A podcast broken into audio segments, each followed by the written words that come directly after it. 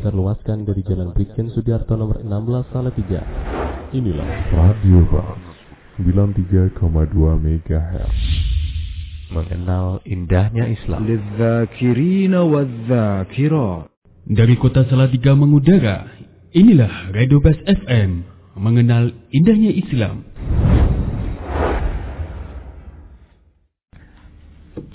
إن الحمد لله نحمده ونستعينه ونستغفره ونعوذ بالله من شرور أنفسنا وسيئات أعمالنا. من يهده الله فلا مضل له ومن يضلل فلا هادي له. وأشهد أن لا إله إلا الله وحده لا شريك له وأشهد أن محمدا عبده ورسوله. يا أيها الذين آمنوا اتقوا الله حق تقاته ولا تموتن إلا وأنتم مسلمون. أما بعد. Kaum muslimin yang dirahmati oleh Allah, para pendengar Radio Bas FM di mana pun Anda berada. Alhamdulillah pada kesempatan malam hari ini kita kembali bersua lewat media dakwah radio ini. Semoga Allah melimpahkan kenikmatan kelapangan, kesehatan kepada kita semua sehingga bisa melaksanakan perintah bisa melaksanakan kebaikan-kebaikan sebagai tabungan kita kelak di hari kiamat. Para pendengar yang dimuliakan oleh Allah, insyaallah pada kesempatan malam hari ini kita akan masuk kepada al-kabiratus tsaniyah yaitu dosa besar yang kedua. Jadi kalau kita perhatikan urutan di sini adalah semakin kecil tingkatannya dari kemarin. Yang pertama adalah syirik. Dia adalah dosa besar yang terbesar yang paling berat. Kemudian setelah kesyirikan, dosa yang paling besar, yang paling berat di sisi Allah Subhanahu wa taala adalah pembunuhan. Pembunuhan kalau kita alhamdulillah di Salatiga khususnya kita jarang mendapati berita ini. Walaupun kalau kita perhatikan di berbagai media baik cetak maupun elektronik kita bisa melihat hampir setiap hari terjadi pembunuhan bahkan mungkin survei-survei menunjukkan di berbagai negara bisa terjadi setiap sekian menit terjadi pembunuhan. Ini semua karena manusia atau sebagian mereka yang melakukannya tidak paham, tidak tahu akan besarnya akibat besarnya dosa yang harus mereka tanggung di sisi Allah kelak. Maka Islam sebagai agama fitrah sebagai agama yang melindungi jiwa-jiwa yang maksum, yang terlindungi, maka sangat memperhatikan atau memperingatkan sangat keras tentang bahaya, tentang ancaman yang besar terhadap pelaku-pelaku pembunuhan. Berkata Imam Az-Zahabi rahimahullah taala, "Al-kabiratu tsaniyah qatlun nafsi. Dosa besar yang kedua adalah pembunuhan. Qala Allah Ta'ala Allah berfirman di dalam surat An-Nisa ayat 93. Wa man yaqtul mu'minan muta'ammidan fajaza'uhu jahannamu khalidan fiha wa ghadiba Allah 'alaihi wa la'anahu 'adda lahu 'adzaban 'azima. Allah berfirman, memberikan kabar, mengancam orang-orang yang berani melakukan pembunuhan dan barang siapa melakukan pembunuhan terhadap seorang yang beriman dengan sengaja fajazauhu jahannam maka balasannya bagi dia adalah neraka jahannam khalidan fiha kekal selamanya. Wa ghadiballahu alaih. Dan Allah murka atasnya. wala'anahu. Dan Allah akan melaknatinya. Wa addalahu azaban 'azima. Dan di neraka jahanam telah disiapkan baginya azab yang sangat besar. Wal ayat yang singkat telah memberikan ancaman yang begitu banyak bagi pelaku-pelaku pembunuhan. Yang pertama, tempatnya adalah di jahanam. Yang kedua, dikekalkan dia di dalamnya. Yang ketiga, Allah murka terhadap dia. Kemudian yang keempat, dilaknati oleh Allah. Dan yang kelima, disiapkan azab yang sangat besar. Na'udzubillah Maka para pendengar yang dirahmati oleh Allah, semoga kita dijauhkan dari kemaksiatan ini, dari dosa besar ini, supaya apa? Supaya kita jauh dari neraka jahanam. Kaum muslimin yang dirahmati oleh Allah, di sini perlu kita singgung permasalahan yang nanti juga di dalam beberapa hadis yang menyebutkan tentang kekalnya pelaku pembunuhan. Padahal kalau kita mengingat pertemuan kita sebelumnya bahwasanya hanya dosa syirik yang menyebabkan kekalnya seseorang, hanya kekufuran yang menyebabkan kekalnya seseorang di dalam api neraka. Lalu bagaimana dengan ayat ini ataupun hadis-hadis yang nanti kita akan baca yang yang menyatakan, yang menyebutkan, yang mengancam pelaku dosa pembunuhan ini dengan kekal di api neraka. Maka para ulama menerangkan ada dua makna dari nas-nas dari ayat maupun hadis yang semakna dengan ayat maupun hadis yang isinya seperti ini. Apa itu? Yang pertama, bahwasannya ancaman-ancaman ini atau khususnya tentang kekalnya para pelaku pembunuhan itu adalah taglid wa ta'kid Allah taala. Yani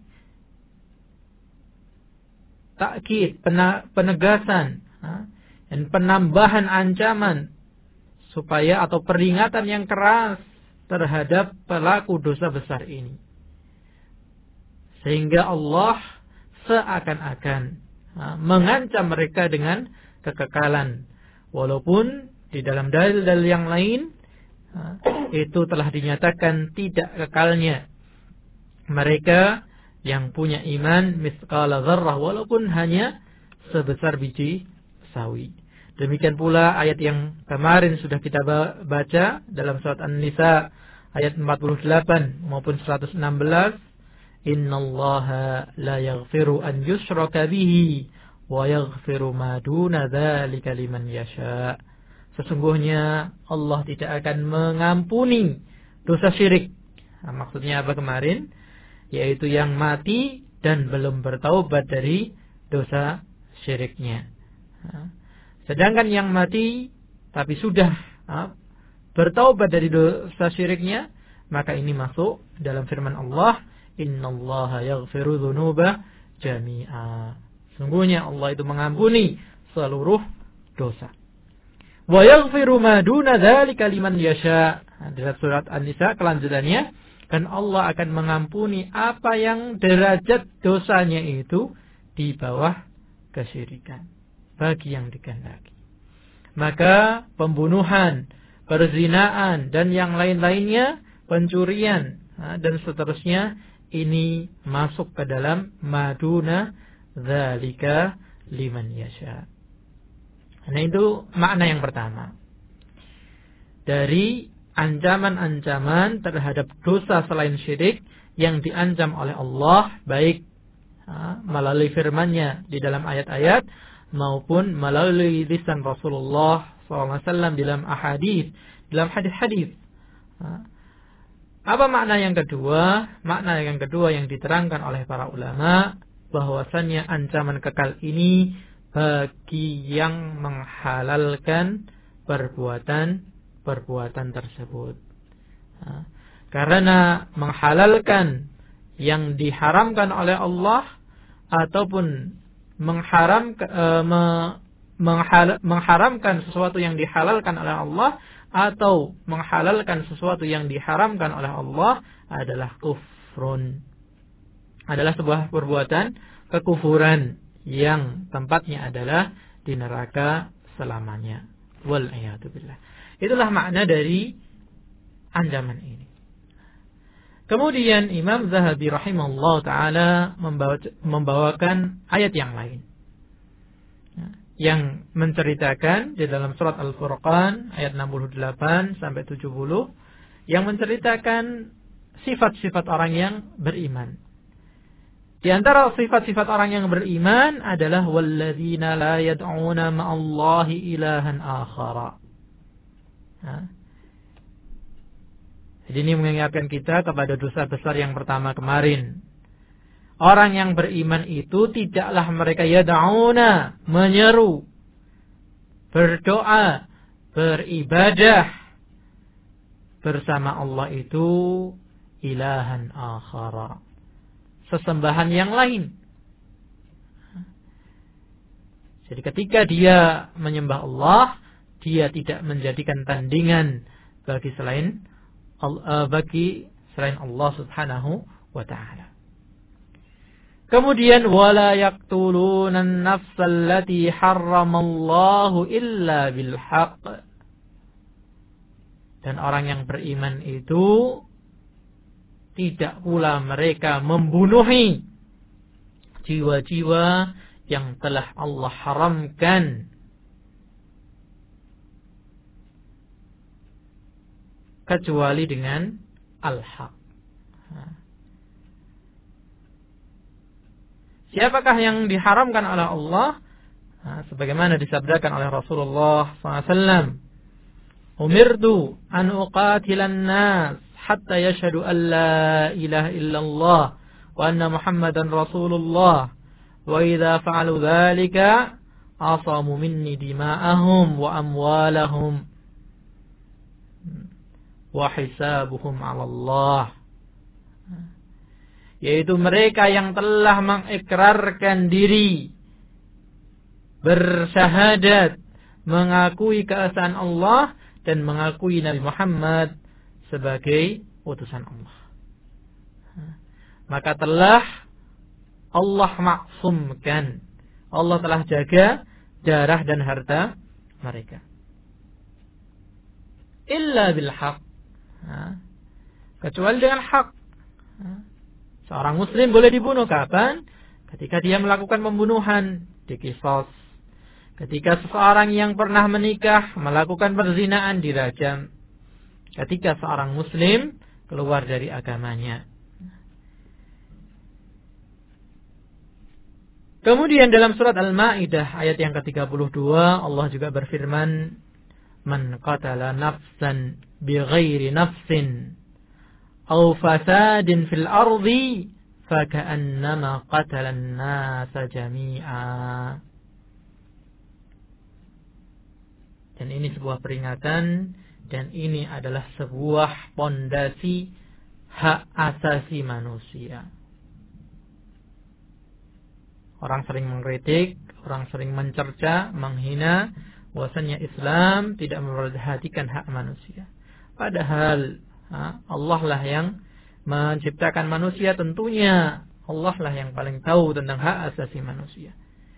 Allah mengatakan Allah berfirman barang siapa membunuh ha, sebuah jiwa tanpa alasan ha, atau melakukan kerusakan terhadap jiwa tersebut atau melakukan kerusakan di muka bumi maka pembunuhan yang dia lakukan itu seakan-akan apa?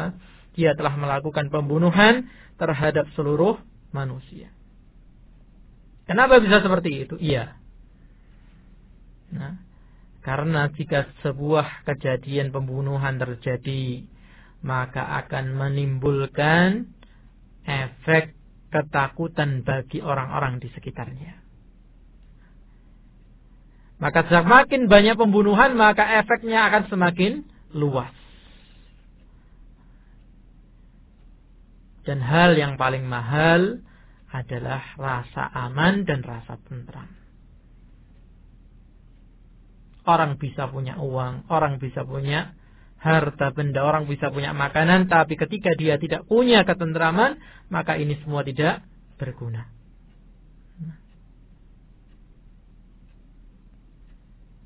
Oleh karenanya, di dalam surat Al-Baqarah Allah menegaskan, "Walakum fil qisasi hayatun ya ulil albab." Dan bagi kalian di dalam qisas ketika ditegakkan hukum terhadap para pembunuh itu ada kehidupan. Jadi tadi ketika ada seseorang yang melakukan pembunuhan seakan-akan semua orang mati. Dan ketika hukuman ditegakkan, ah, yang lain akan hidup kembali. Kenapa? Oh, merasa tentram kembali. Nah, itulah indahnya Islam, itulah ah, mudahnya agama Islam.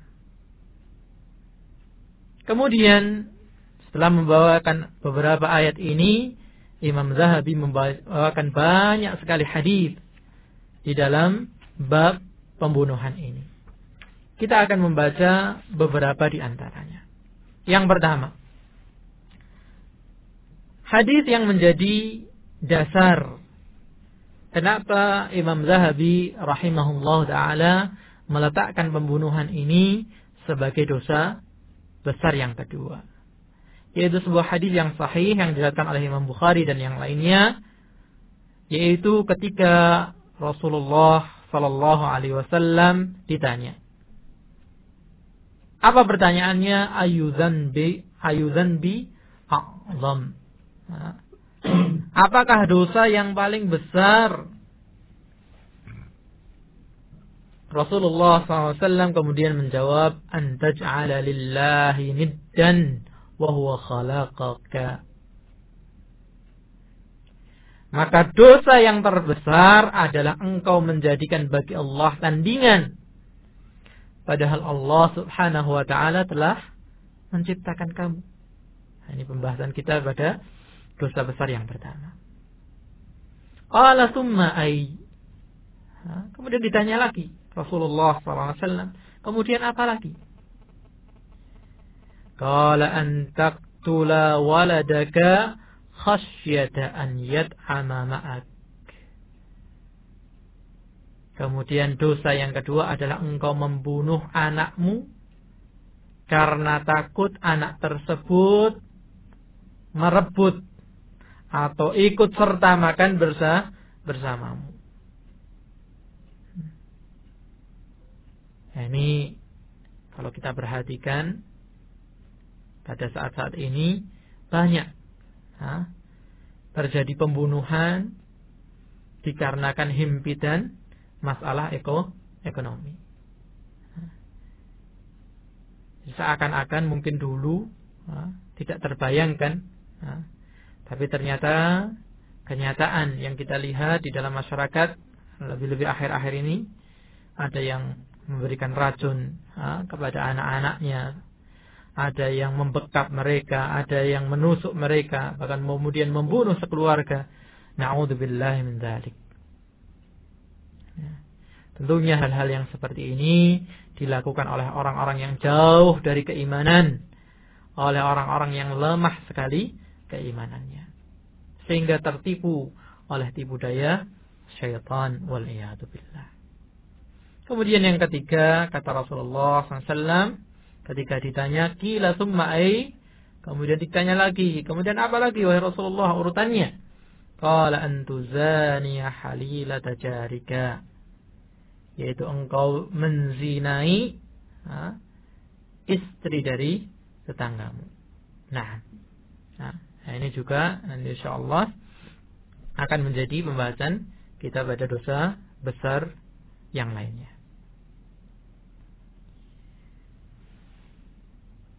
Inilah hadis pertama yang menerangkan kepada kita kenapa Imam Zahabi meletakkan dosa pembunuhan ini pada dosa yang kedua setelah kesyirikan.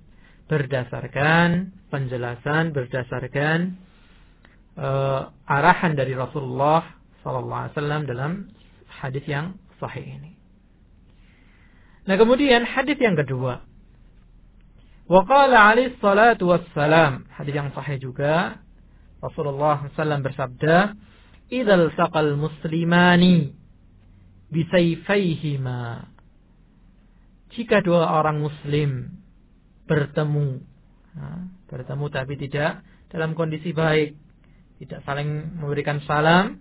Tapi malah apa? bertemu dalam keadaan menghunus kedua pedangnya. Jadi masing-masing menghunus pedangnya. Fal qatil wal maktul finnar. Kemudian terjadi duel dan salah satu meninggal. Maka apa kata Rasulullah SAW? Fal qatil wal maktul finnar. Maka si pembunuh dan yang dibunuh kedua-duanya di neraka.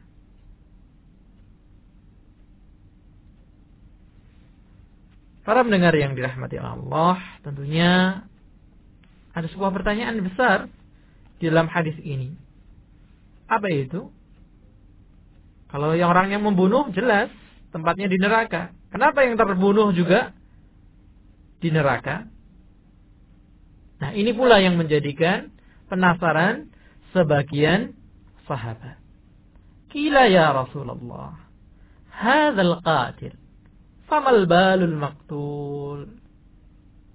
Maka ada sebagian yang menanyakan, wahai Rasulullah, ya ini yang membunuh sudah pasti sudah selayaknya lah dia di neraka. Sama balul maktul. Lalu apa urusannya dengan yang terbunuh? Kenapa dia sampai harus menghuni neraka juga? Qala innahu kana harisan ala qatli sahibihi.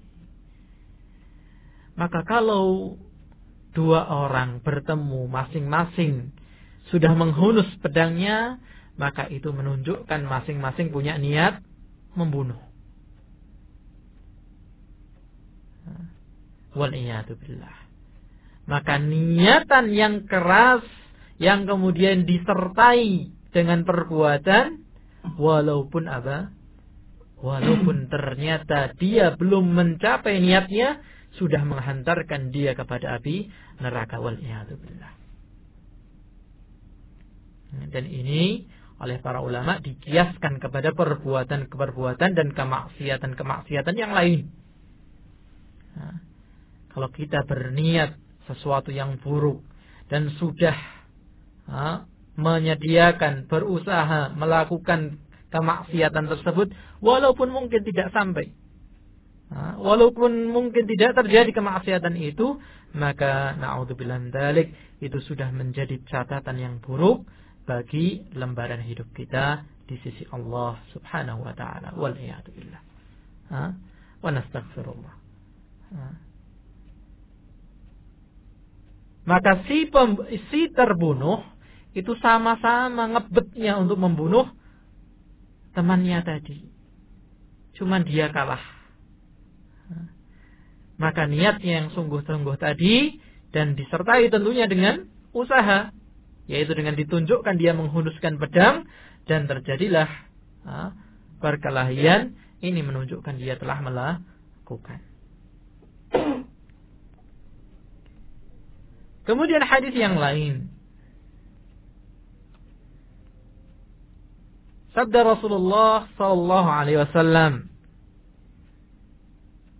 yang diriatkan oleh Imam Bukhari pula. Rasulullah SAW mengingatkan La tarji'u ba'di kuffara. Yadribu ba'dukum liqaba ba'din Janganlah kalian kembali setelah kematianku nanti menjadi orang-orang kafir. Baik kafir sebenarnya dengan keluar dari agama Islam atau mencontoh perilaku-perilaku dulu orang-orang kafir. Apa itu? Yadribu ba'dukum riqaba ba'dhin kalian saling memukul, saling membengkal leher satu dengan yang lain.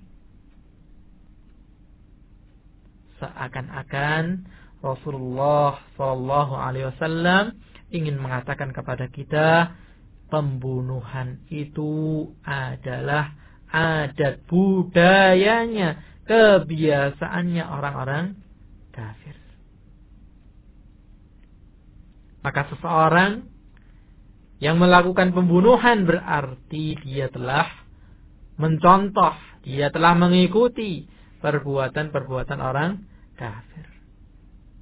Bukan artinya pelaku pembunuhan kufur, tidak. Selama dia tidak menghalalkan perbuatannya. Nah, dengan catatan itu. Nah, ini yang membedakan antara ahlus sunnah wal jamaah dengan mereka yang disebut oleh para ulama al-khawarij. di mana kelompok khawarij ini mengkafirkan pelaku-pelaku dosa dosa besar.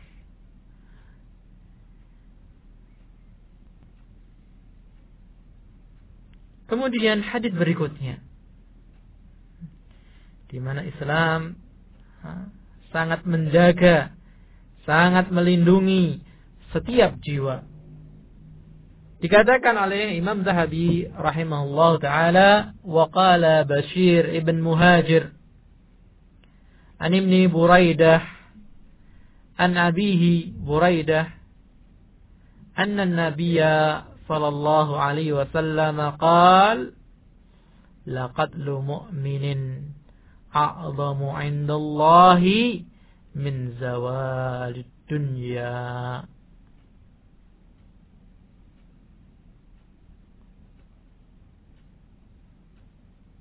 Sesungguhnya pembunuhan terhadap seorang yang beriman itu di sisi Allah lebih besar urusannya dari hanya apa? hancurnya dunia ini.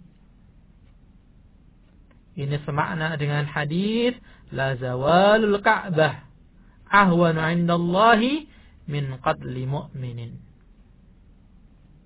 Hancurnya Ka'bah itu dianggap lebih ringan bagi Allah daripada terjadinya pembunuhan terhadap seorang yang beriman. Subhanallah, inilah penghargaan yang tinggi oleh Allah Subhanahu wa taala terhadap orang-orang yang beriman. Lihat keimanan seorang manusia itu jauh lebih berharga dari berharganya Ka'bah. Lihat berimannya seorang manusia jauh lebih berharga dari dunia. Maka di satu sisi hadis ini memberikan ancaman, memberikan peringatan kepada mereka yang sembrono, kepada mereka yang tidak tahu menau, asal main bunuh, asal main pukul, Sampai kemudian mungkin terjadi pembunuhan. Ini peringatan peringatan yang keras. Dan di sisi yang lain, bagi kita semua, menunjukkan besarnya harga sebuah keimanan. Oleh karenanya, dalam ayat yang kita baca dalam mukaddimah tadi, Ya ayuhalladzina amanu, ittaqullaha haqqa tuqatih Nah, ini yang terus diingatkan oleh Rasulullah SAW di setiap majelisnya. Yaitu, wahai orang-orang yang beriman. Orang yang telah diberi kesempatan oleh Allah subhanahu wa ta'ala untuk beriman. Berimanlah dengan sebenar-benarnya. Kemudian yang menunjukkan besarnya dosa pembunuhan pula adalah apa yang disabdakan oleh Rasulullah sallallahu alaihi wasallam. Riwayat-riwayatnya ini semua adalah riwayat Imam Bukhari. jadi yang tidak diragukan lagi kesahihannya. Rasulullah SAW bersabda, "Awwalu ma yuqda bainan nasi fid dima."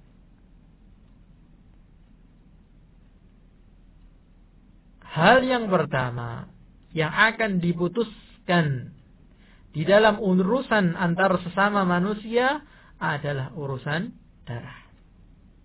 Nah tentunya hadis ini tidak bertentangan dengan hadis yang lain yang menyatakan nanti sholatlah ha, yang akan diputuskan pertama kali.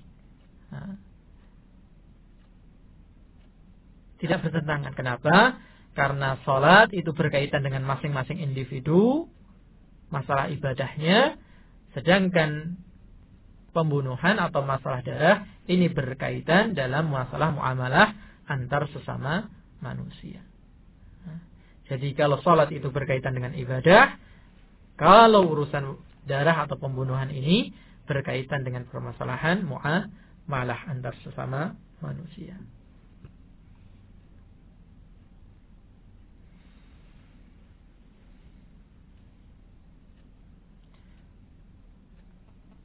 Kemudian hadis berikutnya yang akan kita baca adalah sebuah hadis yang dikeluarkan oleh Imam Bukhari pula dari Ibnu Amr radhiyallahu anhuma Abdullah bin Amr bin Al-As radhiyallahu anhuma عن النبي صلى الله عليه وسلم قال man qatala mu'ahadan lam yarah raihatal jannah. Jadi kalau kita tadi dari awal sudah menyinggung pembunuhan-pembunuhan terhadap orang-orang yang beriman. Nah, apakah pembunuhan itu dianggap besar, dianggap perkara yang besar, dosa besar terhadap orang yang beriman saja? Tidak. Karena semua dihargai jiwanya. Semua dihormati jiwanya. Maka dalam hadis ini Rasulullah SAW mengabarkan barang siapa yang membunuh muahad yaitu orang yang telah mendapatkan atau telah mengikat perjanjian terhadap orang-orang Islam, orang kafir, yang mengikat perjanjian. Baik. perjanjian tadi dia hidup di dalam negara Islam, hidup bersama kaum muslimin, atau dalam kunjungan, atau dalam sebuah urusan dan sebagainya. Lam yarah raihatal jannah. Maka dia tidak akan mencium bau surga. Na'udzubillah min dzalik. Hadis ini mengingatkan kepada kita semua kaum muslimin tentang beberapa kejadian beberapa tahun belakangan ini. Yaitu apa yang dipahami oleh sebagian kaum muslimin sebagai jihad. Dengan membunuhi orang-orang asing ataupun orang-orang non-muslim yang berada di negara-negara Islam. Maka orang yang masuk ke dalam negara Islam atau orang-orang non-muslim yang hidup di negara-negara Islam, mereka adalah muahad yang wajib dan haram ditumpahkan darahnya. Yang wajib dilindungi dan haram ditumpahkan darahnya. maka keliru, maka salah. Kalau ada seorang muslim mempunyai pemahaman seperti ini. Menganggap punya kesempatan untuk membunuh orang-orang tadi di dekat mereka. Kesempatan. Nah, mumpung mereka di dekat saya. Nah, mumpung mereka di negara saya. Maka ini adalah sikap yang keliru. Nah, itu bukanlah dari ajaran Islam. Padahal kata Rasulullah SAW, wa inna rihaha yujadu min masirati arba'ina amman. Padahal bau surga itu bisa dicium ha? dari jarak 40 tahun perjalanan. Jadi wanginya, indahnya surga itu bisa tercium dari jarak yang ditempuh dengan 40 tahun perjalanan. Sangat-sangat jauh. Dalam hadis berikutnya yang semakna yang dikeluarkan oleh Imam Tirmidzi Rasulullah SAW mengancam ala man qatala nafsan mu'ahadatan laha dhimmatullahi wa dhimmatu rasulihi. Ketahuilah barang siapa membunuh sebuah jiwa yang terikat perjanjian tadi yang dia punya perlindungan dari Allah dan perlindungan dari Rasulnya melalui siapa ya melalui para pemimpin melalui para waliul amr Hati Allah wa hati Rasul wa ulil amri minkum. ketika Rasulullah sudah tidak ada, ya para pemimpin, para khalifah, para raja, para kepala negara, kepala daerah. Itulah mereka yang menjadi wakil Allah dalam memberikan perlindungan. Faqad akhfara dhimmatallah wala yahrah raihatal jannah. Wa inna rihaha la yujadu min masirati arba'ina. Maka sama orang yang melakukan pembunuhan terhadap orang-orang yang telah melakukan perjanjian tadi telah dijamin perlindungannya oleh Allah maka orang ini diancam tidak akan mencium baunya surga. Maka hadis-hadis yang seperti ini perlu dibaca oleh saudara-saudara kita yang mempunyai semangat tinggi memperjuangkan Islam. Tapi perjuangan itu harus melalui jalan yang benar, harus melalui cara yang benar, harus melalui pemahaman yang benar. Sehingga Islam yang merupakan rahmatan lil alamin benar-benar menjadi rahmah, menjadi karunia bagi seluruh alam. Tidak disalahpahami sebagai ancaman, tidak disalahpahami sebagai musuh. Akan tetapi Islam adalah membawa kedamaian.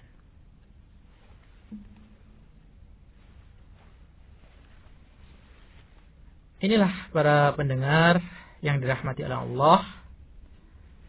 Apa yang bisa kita baca dari sebagian apa yang disampaikan oleh Imam Zahabi karena waktu kita tidak bisa membaca seluruhnya kita hanya memilih beberapa di antara dalil yang paling menonjol di antara dalil-dalil yang disebutkan atau yang tidak sama karena terjadi beberapa pengulangan makna di antara hadis maupun ayat yang disampaikan oleh Imam Zahabi.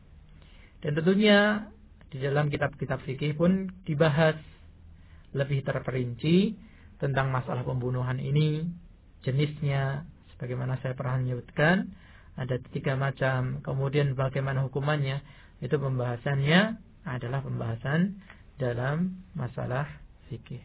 Wallahu taala a'lam.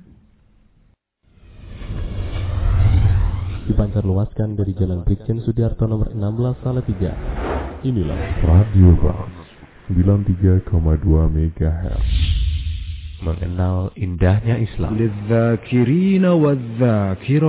Dari kota Salatiga mengudara Inilah Radio Bas FM Mengenal indahnya Islam.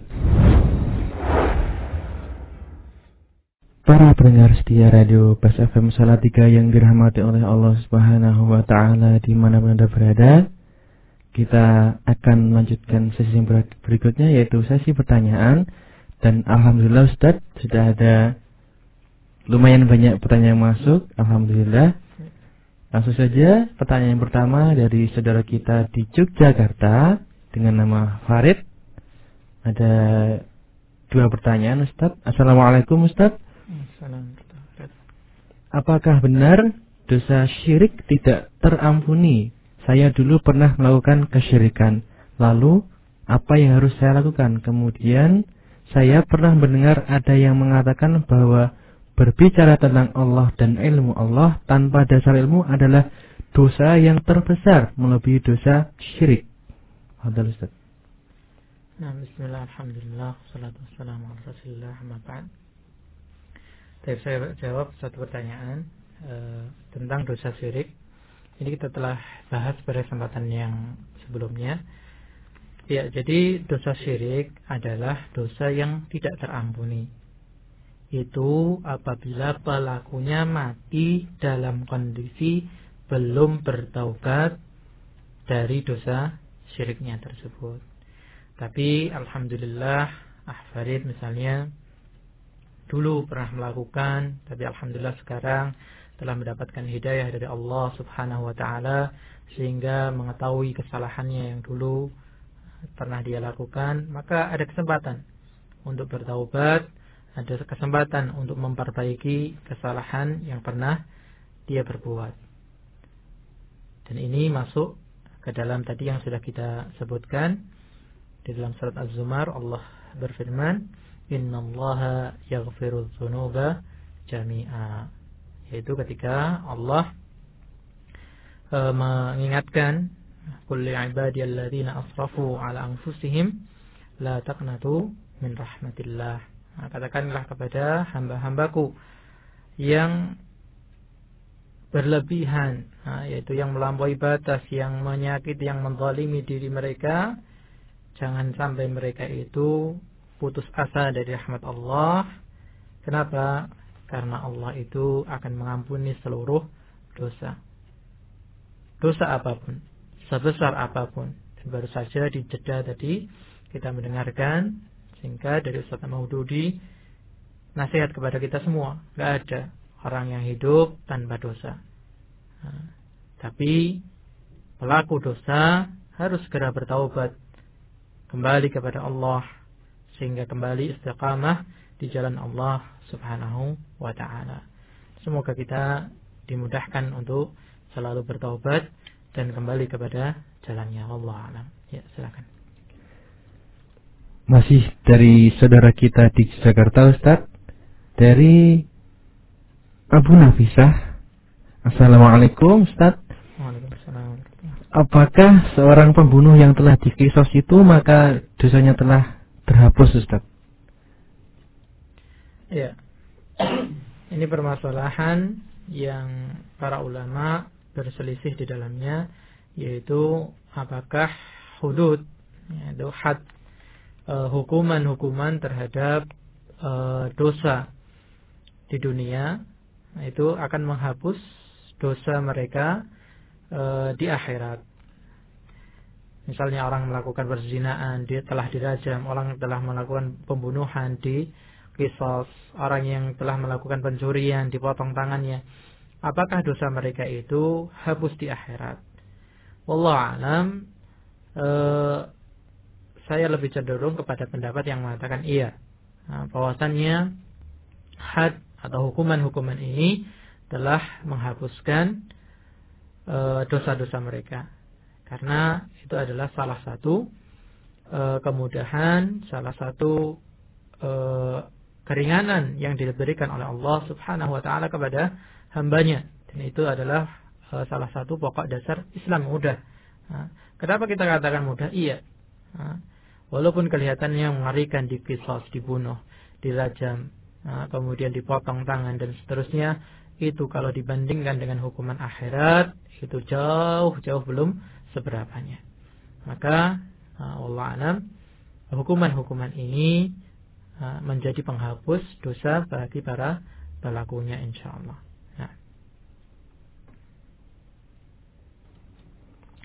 Selanjutnya masih dari saudara kita di Jogja lagi Ustaz dari Nyono di Bantul dan beliau juga kirim salam buat Radio Bas FM Salatiga.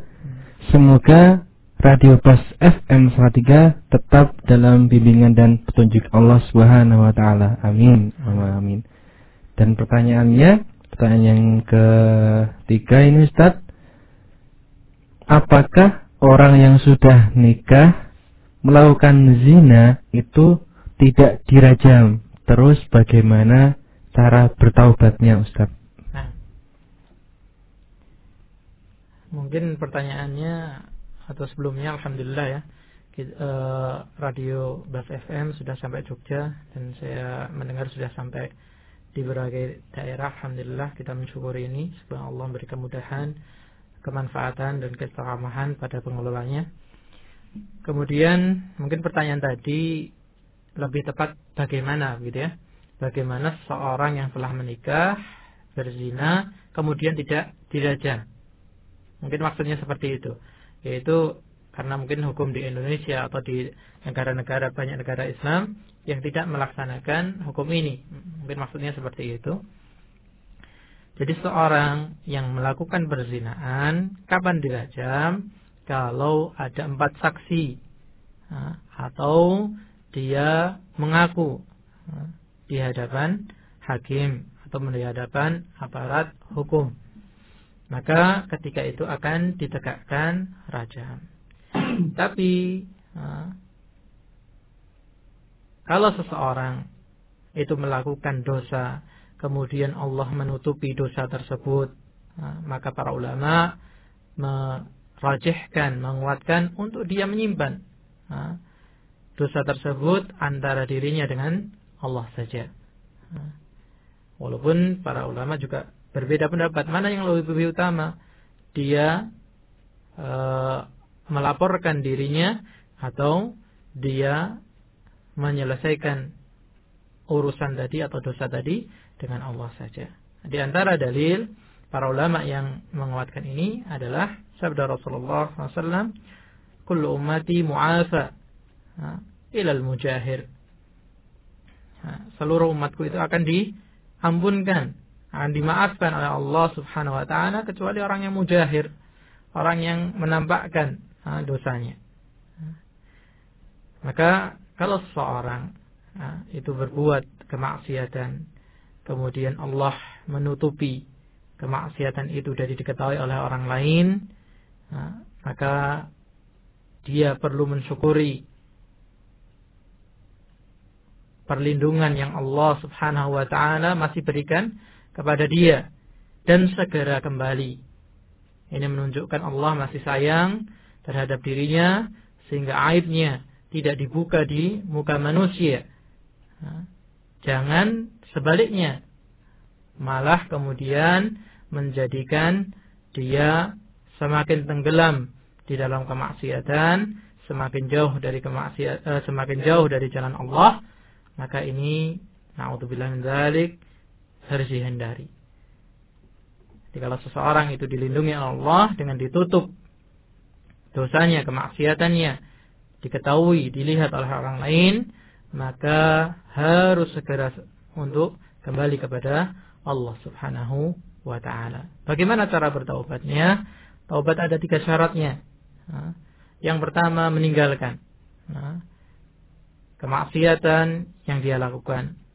Kemudian yang kedua menyesali perbuatan tadi. Sehingga penyesalan itu menumbuhkan apa? Untuk dia berbuat sesuatu yang lebih baik. Sebagaimana sabda Rasulullah SAW, Wadbil sayyi'atal hasanata tamhuha.